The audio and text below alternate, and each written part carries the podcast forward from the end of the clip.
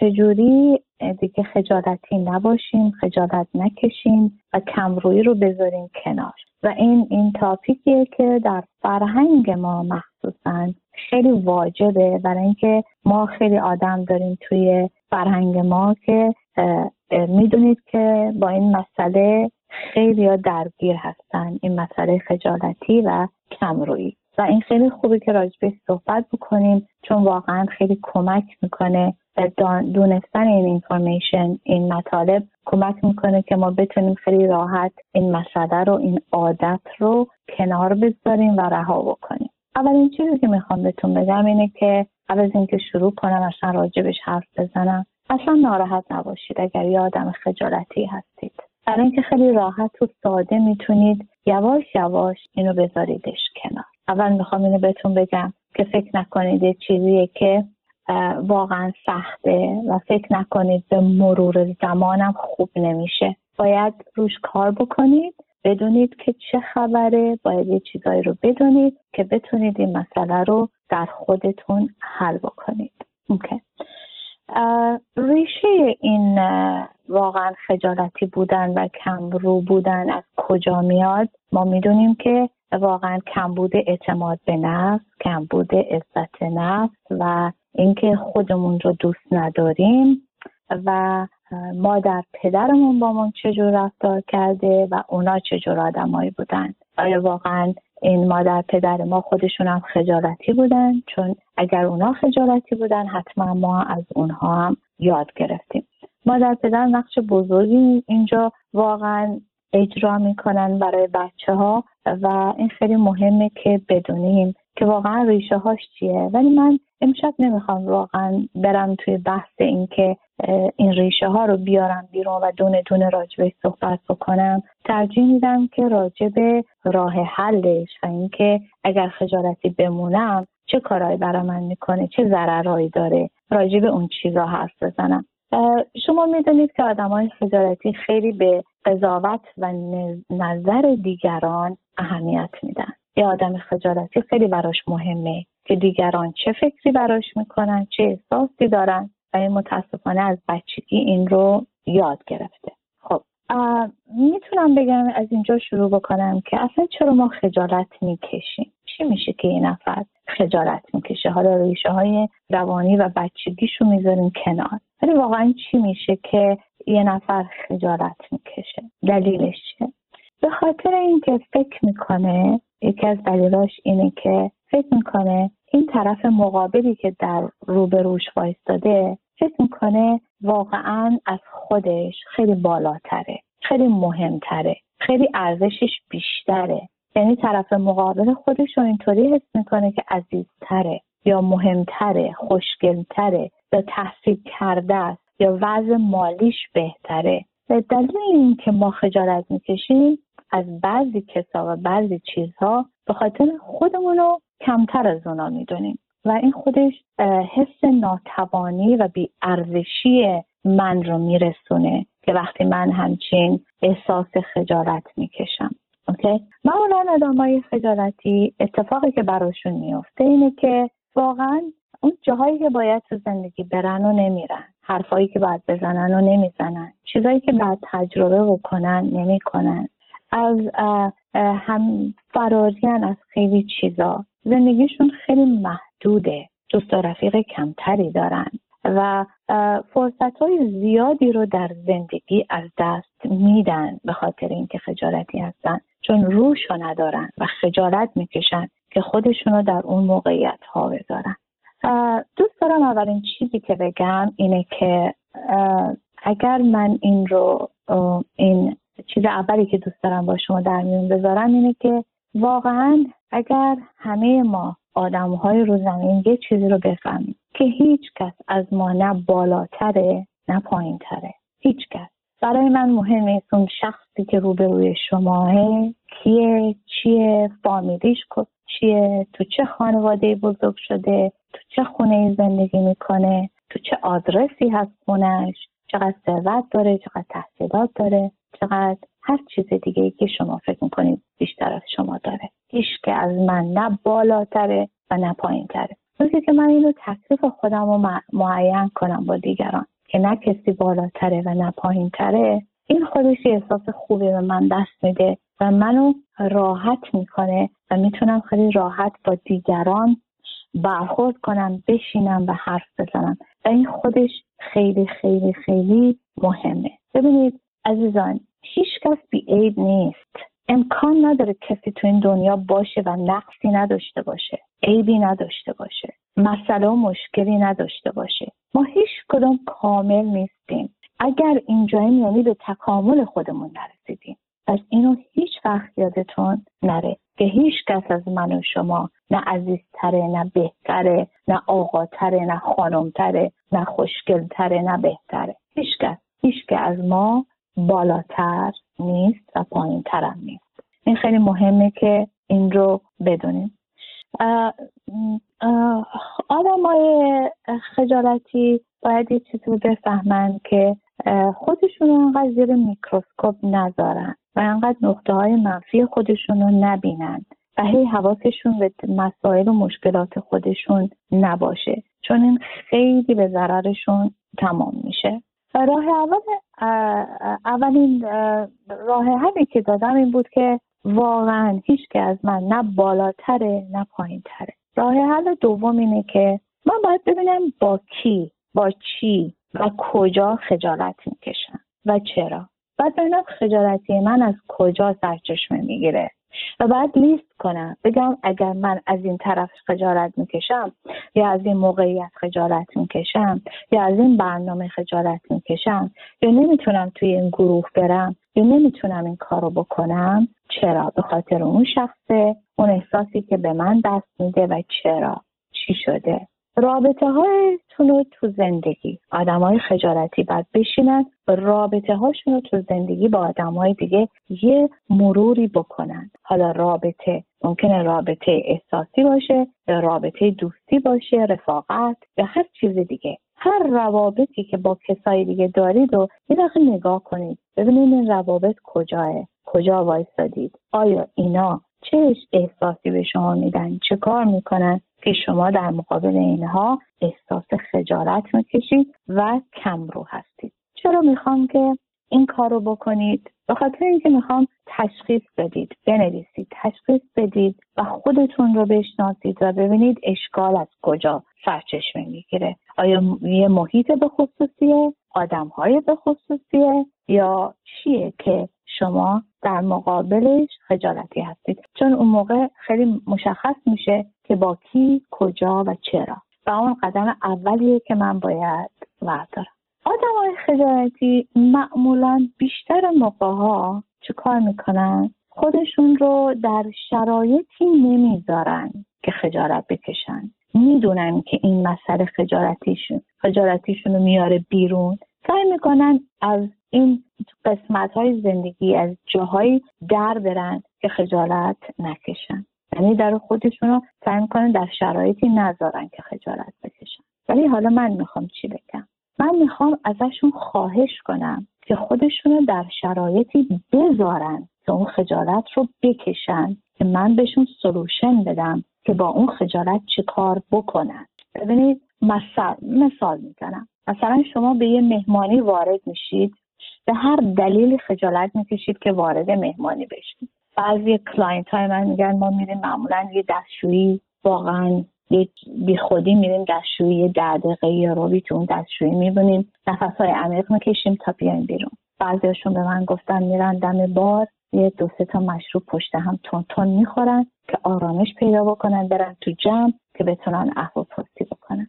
و کارهایی از این قبیل خودشون قایم بکنن. من چی می‌خوام بگم؟ چرا میگم در اون موقعیت هایی که اون شرایط ها خودتون رو بذارید؟ به خاطر اینکه در همون لحظه دلم می‌خواد یه کاری بکنید. با اون ترس روبرو بشید. تو دل اون ترس برید. به جای اینکه برید دستشویی به جای اینکه برید سراغ بار و درینک های قوی بگیرید که بس بشید و بعدم سردرد می‌گیرید و هزار اصلا بتونم خوش نمیگذره به جای اینکه اون کار بکنید. ده ثانیه 20 ثانیه شروع کنید. بعد بکنید 20 ثانیه 30 ثانیه 40 ثانیه. همچین که وارد مهمونی شدید. به جای اینکه برید سراغ مشروب به جای اینکه برید تو دستشویی به جای اینکه الکی تلفن از تو جیبتون درارید و بذارید رو گوشتون یعنی من دارم با یکی حرف می‌زنم وایسید. وایسید و با این ترس رو برو بشید. Face your fear. یعنی واقعا همون لحظه بعد نگاه می‌کنید ممکن قرمز بشید ممکن دستتون عرق کنه ممکن تنتون عرق بکنه ولی بهتون قول میدم. بعد از ده ثانیه شاید 20 ثانیه. دیگه مکس 25 30 ثانیه تمام میشه تمام میشه. بعد متوجه میشید که من از چی میترسیدم؟ من دلم می‌خواد آدمای خجالتی اینو بدونن که باید خودشونو در اون شرایط بذارن و با اون شرایط بتونن غلبه بکنن روی ترسشون و خجالتی بودنشون. البته خیلی چیزای دیگه خواهم گفت که بهتون کمک می‌کنه. البته این چیزی که گفتم ممکنه اولش سخت باشه ولی با practice یواش یواش با, با تمرین شما یواش یواش یاد می‌گیرید که خجالت نکشید و می‌فهمید متوجه میشید. بعد از اینکه این practice این تمرین رو می‌کنید متوجه میشید چقدر یه دفعه ریلکس میشید و خجالتی یه دفعه رها میشه. یه دفعه احساس کنید یه چیزی از تنتون ول شد جدا شد و احساس راحت تری می‌کنید. به جای اینکه برید سراغ چیزهای دیگه. البته همونجور که گفتم یواش یواش یواش یواش. یعنی یعنی بار اول ده ثانیه بار دوم 20 ثانیه. یواش یواش این کار رو بکنید که بتونید غلبه بکنید روی این عادتی که از بچگی تمرین کردید. و یادتون باشه خجالتی بودن یه learning behavior ه و شما از مادر پدرتون کسایی که تو زندگیتون بودن اینو خیلی خوب یاد گرفتید practice کردید پس نمی‌تونیم توقع داشته باشیم که یه شبه از دستش رها بشیم.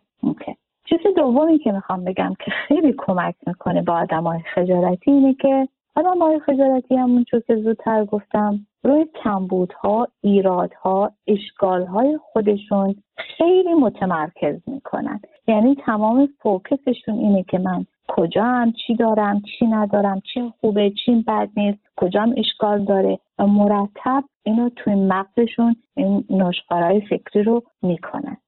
یکی از چیزایی که دارم می‌خواد بکنید به خاطر اینکه آدم های خجالتی خیلی مت... مت... متمرکز ببخشید. متمرکز می‌کنن همه چیز رو خودشونو. من می‌خوام این تمرکز رو از رو خودتون وردارید. و به جای اینکه به خودتون بشین با اون که روبروتونه این تمرکز و این فوکس رو بذارید. و این خیلی به شما کمک می‌کنه.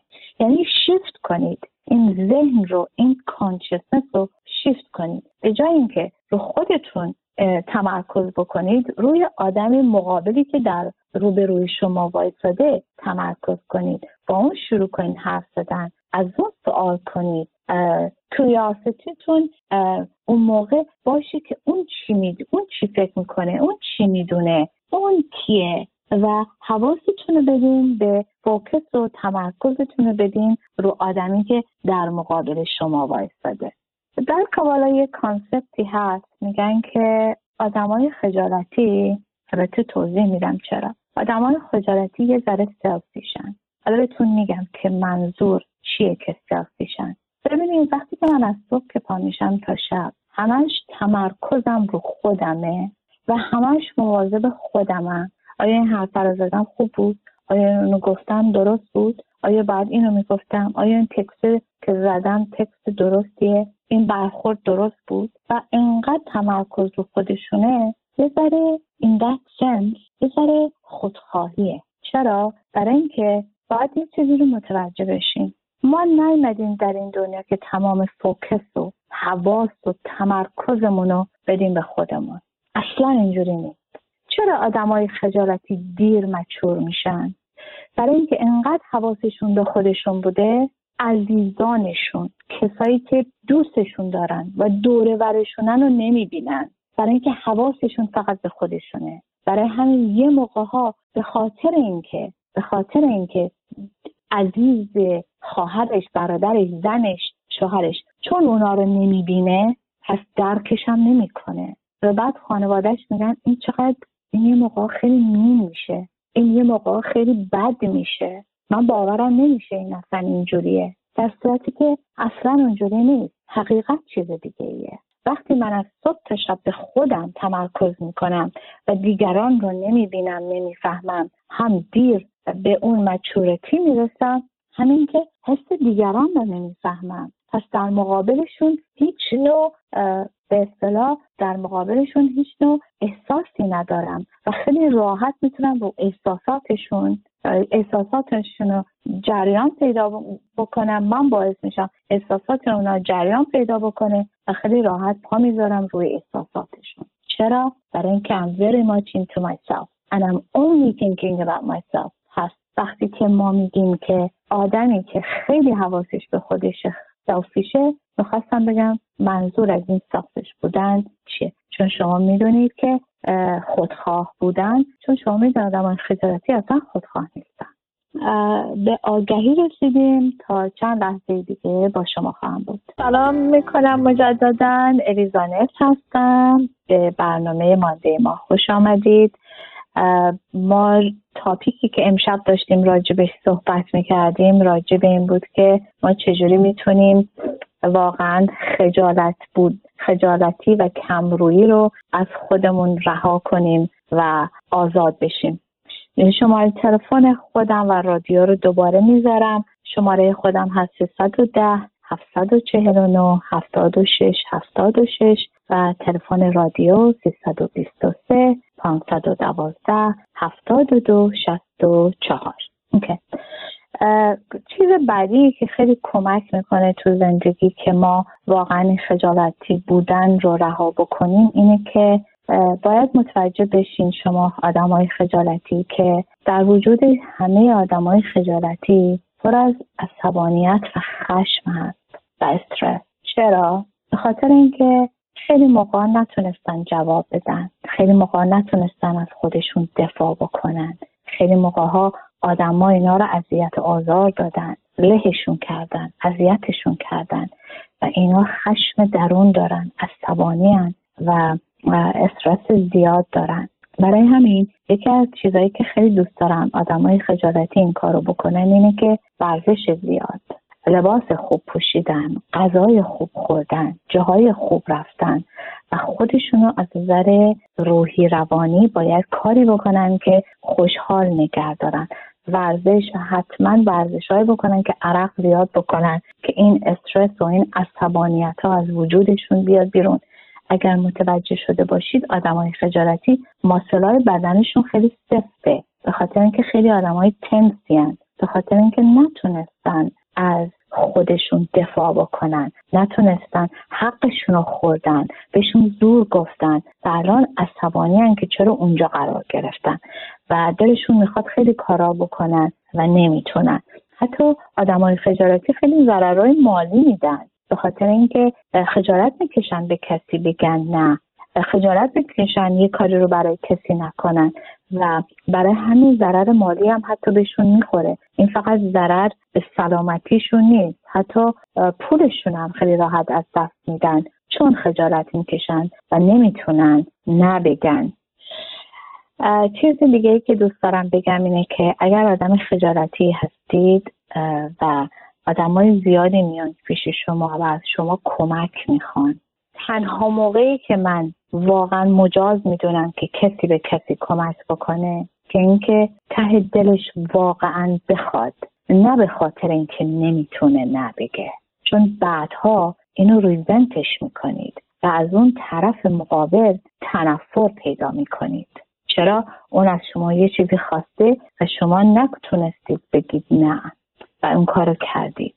پس اگر آدمی هستید که خیلی خجالتی هستید بهتره به جای کمک به دیگران یه مقدار روی خودتون کار بکنید که اگر فردا یکی اومد و بهش کمک کردید فردا resent ش نکنید hate ش نکنید تنفر پیدا نکنید و جدایی بینتون نیفته. متوجه هستید چون این خیلی point مهمیه چون من اینو در ایرانیا خیلی دیدم. می‌کنن تمام کارا رو که نباید بکنن می‌کنن. کمک های دنیا رو به همه می‌کنن. تازه نه خودشون هپیان نه اونی که بهش کمک کرده کمک شده هپیه و بعد اونجاست که اختلافات خیلی اتفاقات دیگه بین این دو نفر میفته که نباید بیفته.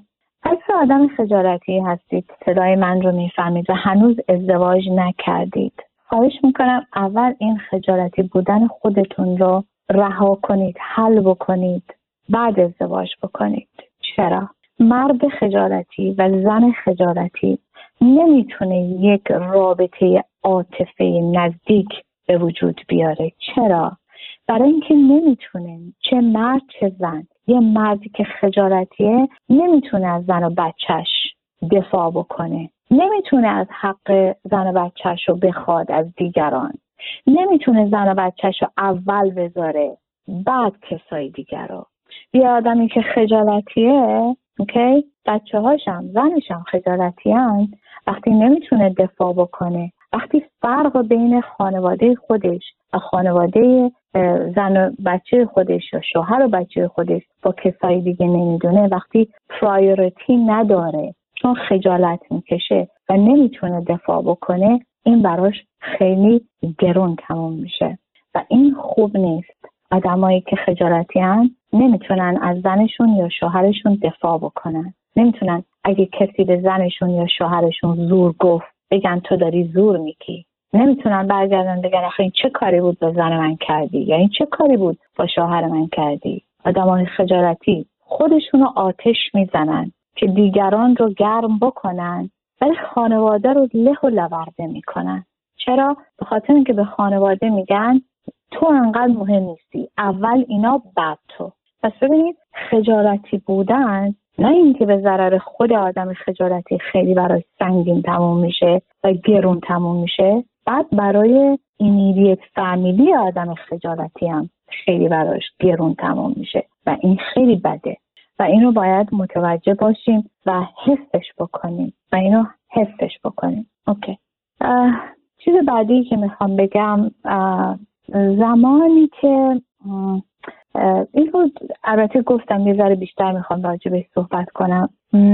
آدم خجالتی خیلی موقعیت های زندگی رو از دست میدن. مثلا اگه قراره با اون خانم یا با اون آقا برن صحبت بکنن یا یه business opportunity براشون میاد یا یه جا می‌تونن با یکی معرفی بشن یا با یکی حرف بزنن تمام اونا رو از دست میدن. چرا؟ به خاطر اینکه صرفا خجالت می‌کشن.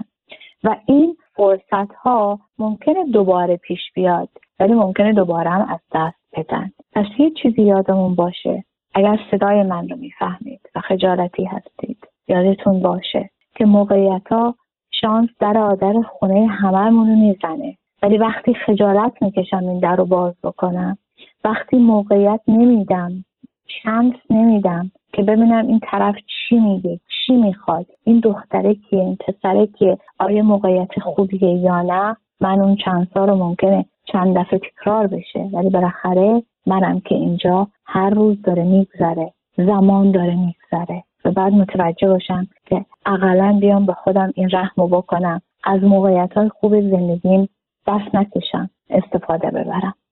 اگر آدم خجالتی هستید این label خجالتی رو از رو خودتون بردارید.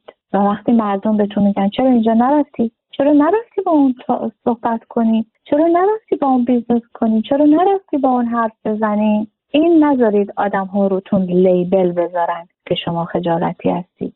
نه اجازه بدید آدم ها این کار با شما بکنن. نه خودتون وربالی به دهنتون بیارید و هی بگید. من ببخشید نمی‌تونم برم. مامان نرفتم. چرا؟ من خجالت می‌کشم. نه نباید بگید من خجالت می‌کشم. نذارید نه کسی رو شما لیبل بذاره نه دیگه بگید که خجالت می‌کشید. می‌دونید چرا؟ You get what you think about.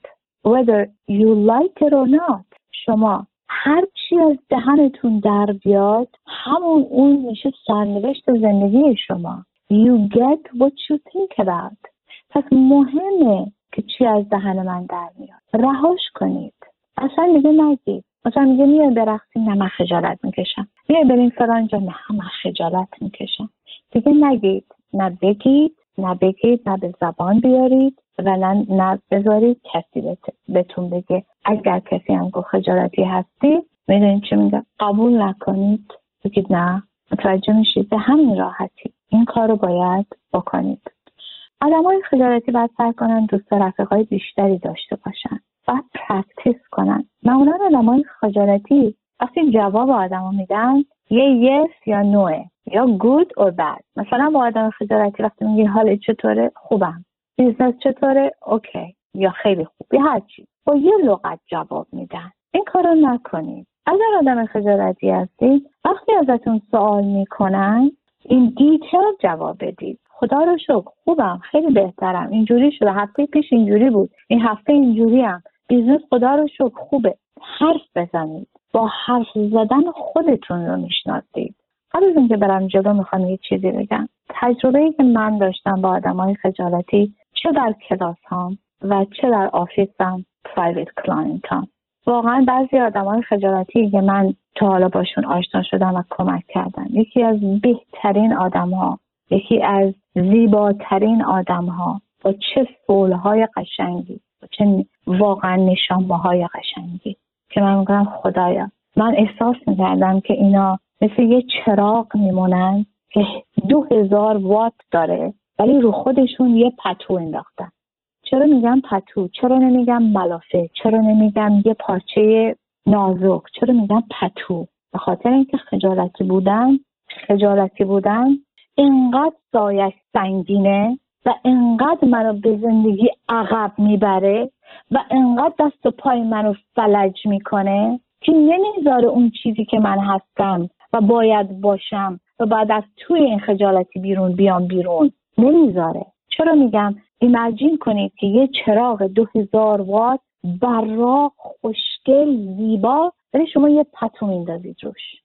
چون واقعا بعضی این خجالتی ها رو که نگاه می‌کنید هیچ نقصی ندارن هیچ عیبی ندارن چقدر حرف دارن که بزنن چقدر زیبان چه صلح والایی دارن چقدر آدمای خوبی هن. چقدر خوبی دیگران رو می‌خوان چقدر آدمای درستی هن. علکی نیستن آدمای شعلوی نیستن ولی خجالتی هن. و وقتی این پتو ورداشته میشه انقدر اینا میدرخشن انقدر اینا زیبان انقدر انسانن انقدر آدمن انقدر تربیت دارن انقدر شخصیت دارن انقدر آدم خوبی هستن. آدم همینجور میمونه. واقعا این تجربه من بوده با آدم های خجالتی. اوکی بریم سر چیزای دیگه. واقعا چه کارهای دیگه می‌تونیم بکنیم که از این خجالتی بودن در بیان وقتی شروع می‌کنید روی خودتون کار کردن تمام این چیزهایی که گفتم از اول برنامه تا حالا رو برید دونه دونه انجام بدید. و وقتی که دارید روی خجالتی بودن خودتون کار می‌کنید و تازه شروع کردید سعی کنید با آدمای پررو قلدر زیاد شاخ به شاخ نشید دوره برشون نرید. چون اونا ممکنه خیلی راحت شما رو به زمین بزنن های خجالتی باید یه کاری رو خیلی خوب انجام بدن. به خاطر اینکه تمام فوکسشون رو چیزای منفی خودشونه باید شروع کنن خوبی های دیگران رو دیدن. خوبی های دیگران رو دیدن و وقتی خوبی کسی رو می‌بینن برن و بهش ازش تعریف بکنن. چرا؟ چرا آدم های خجالتی انقدر بدی آدم ها رو راحت می‌بینن تشخیص میدن و انقدر براشون گرون تموم میشه؟ برای اینکه خودشون تمرکز کردن رو بدی خودشون. چرا من فقط بدی دیگران رو می‌بینم؟ چرا نمی‌تونم خوبی دیگران رو ببینم؟ برای اینکه خودم تمرکز کردم رو بدی ها خودم فکر می‌کنم بدم. و من چون خودم بدم و خودم رو بد می‌بینم و فقط بدی ها رو می‌بینم پس آدم های دیگرم که می‌بینم فقط بدی هاشون رو می‌بینم و به خاطر اینکه من باید این کانشسنس این ذهن رو شیفت بکنم باید خوبی های دیگران رو ببینم تشخیص بدم و تعریف بکنم. بگم وای من اینو در تو دیدم و واقعا تعریف بکنید. چرا؟ که شاید اینجوری بتونید از این فکرهای منفی و بدی ها خودتون رو جدا بکنید شفت بکنید این کانشسنس رو عوض کنید این ذهن رو عوض بکنید به به واقعا به اون خوبی ها نه به تاریکی ها و بدی ها در می‌خوام اینجا یه چیزی بگم. کسی هست تو این دنیا که بدی نداشته باشه تاریکی نداشته باشه؟ کسی هست؟ نه. کسی هست که ایراد نداشته باشه؟ بالاخره هر کسی یه ذره گاربیج داره. ولی من باید کار من چیه تو این دنیا؟ خوبی ها رو. شما می‌دونید به محض اینکه شما بدی آدم ها رو می‌بینید. نقطه های منفیشون رو فقط می‌بینید و قضاوتشون می‌کنید. همون لحظه قیچی رو از توی جیبتون در میارید و رابطه خودتون رو با اون طرف از ته از ته قیچی می‌کنید. از ته قیچی می‌کنید. چرا؟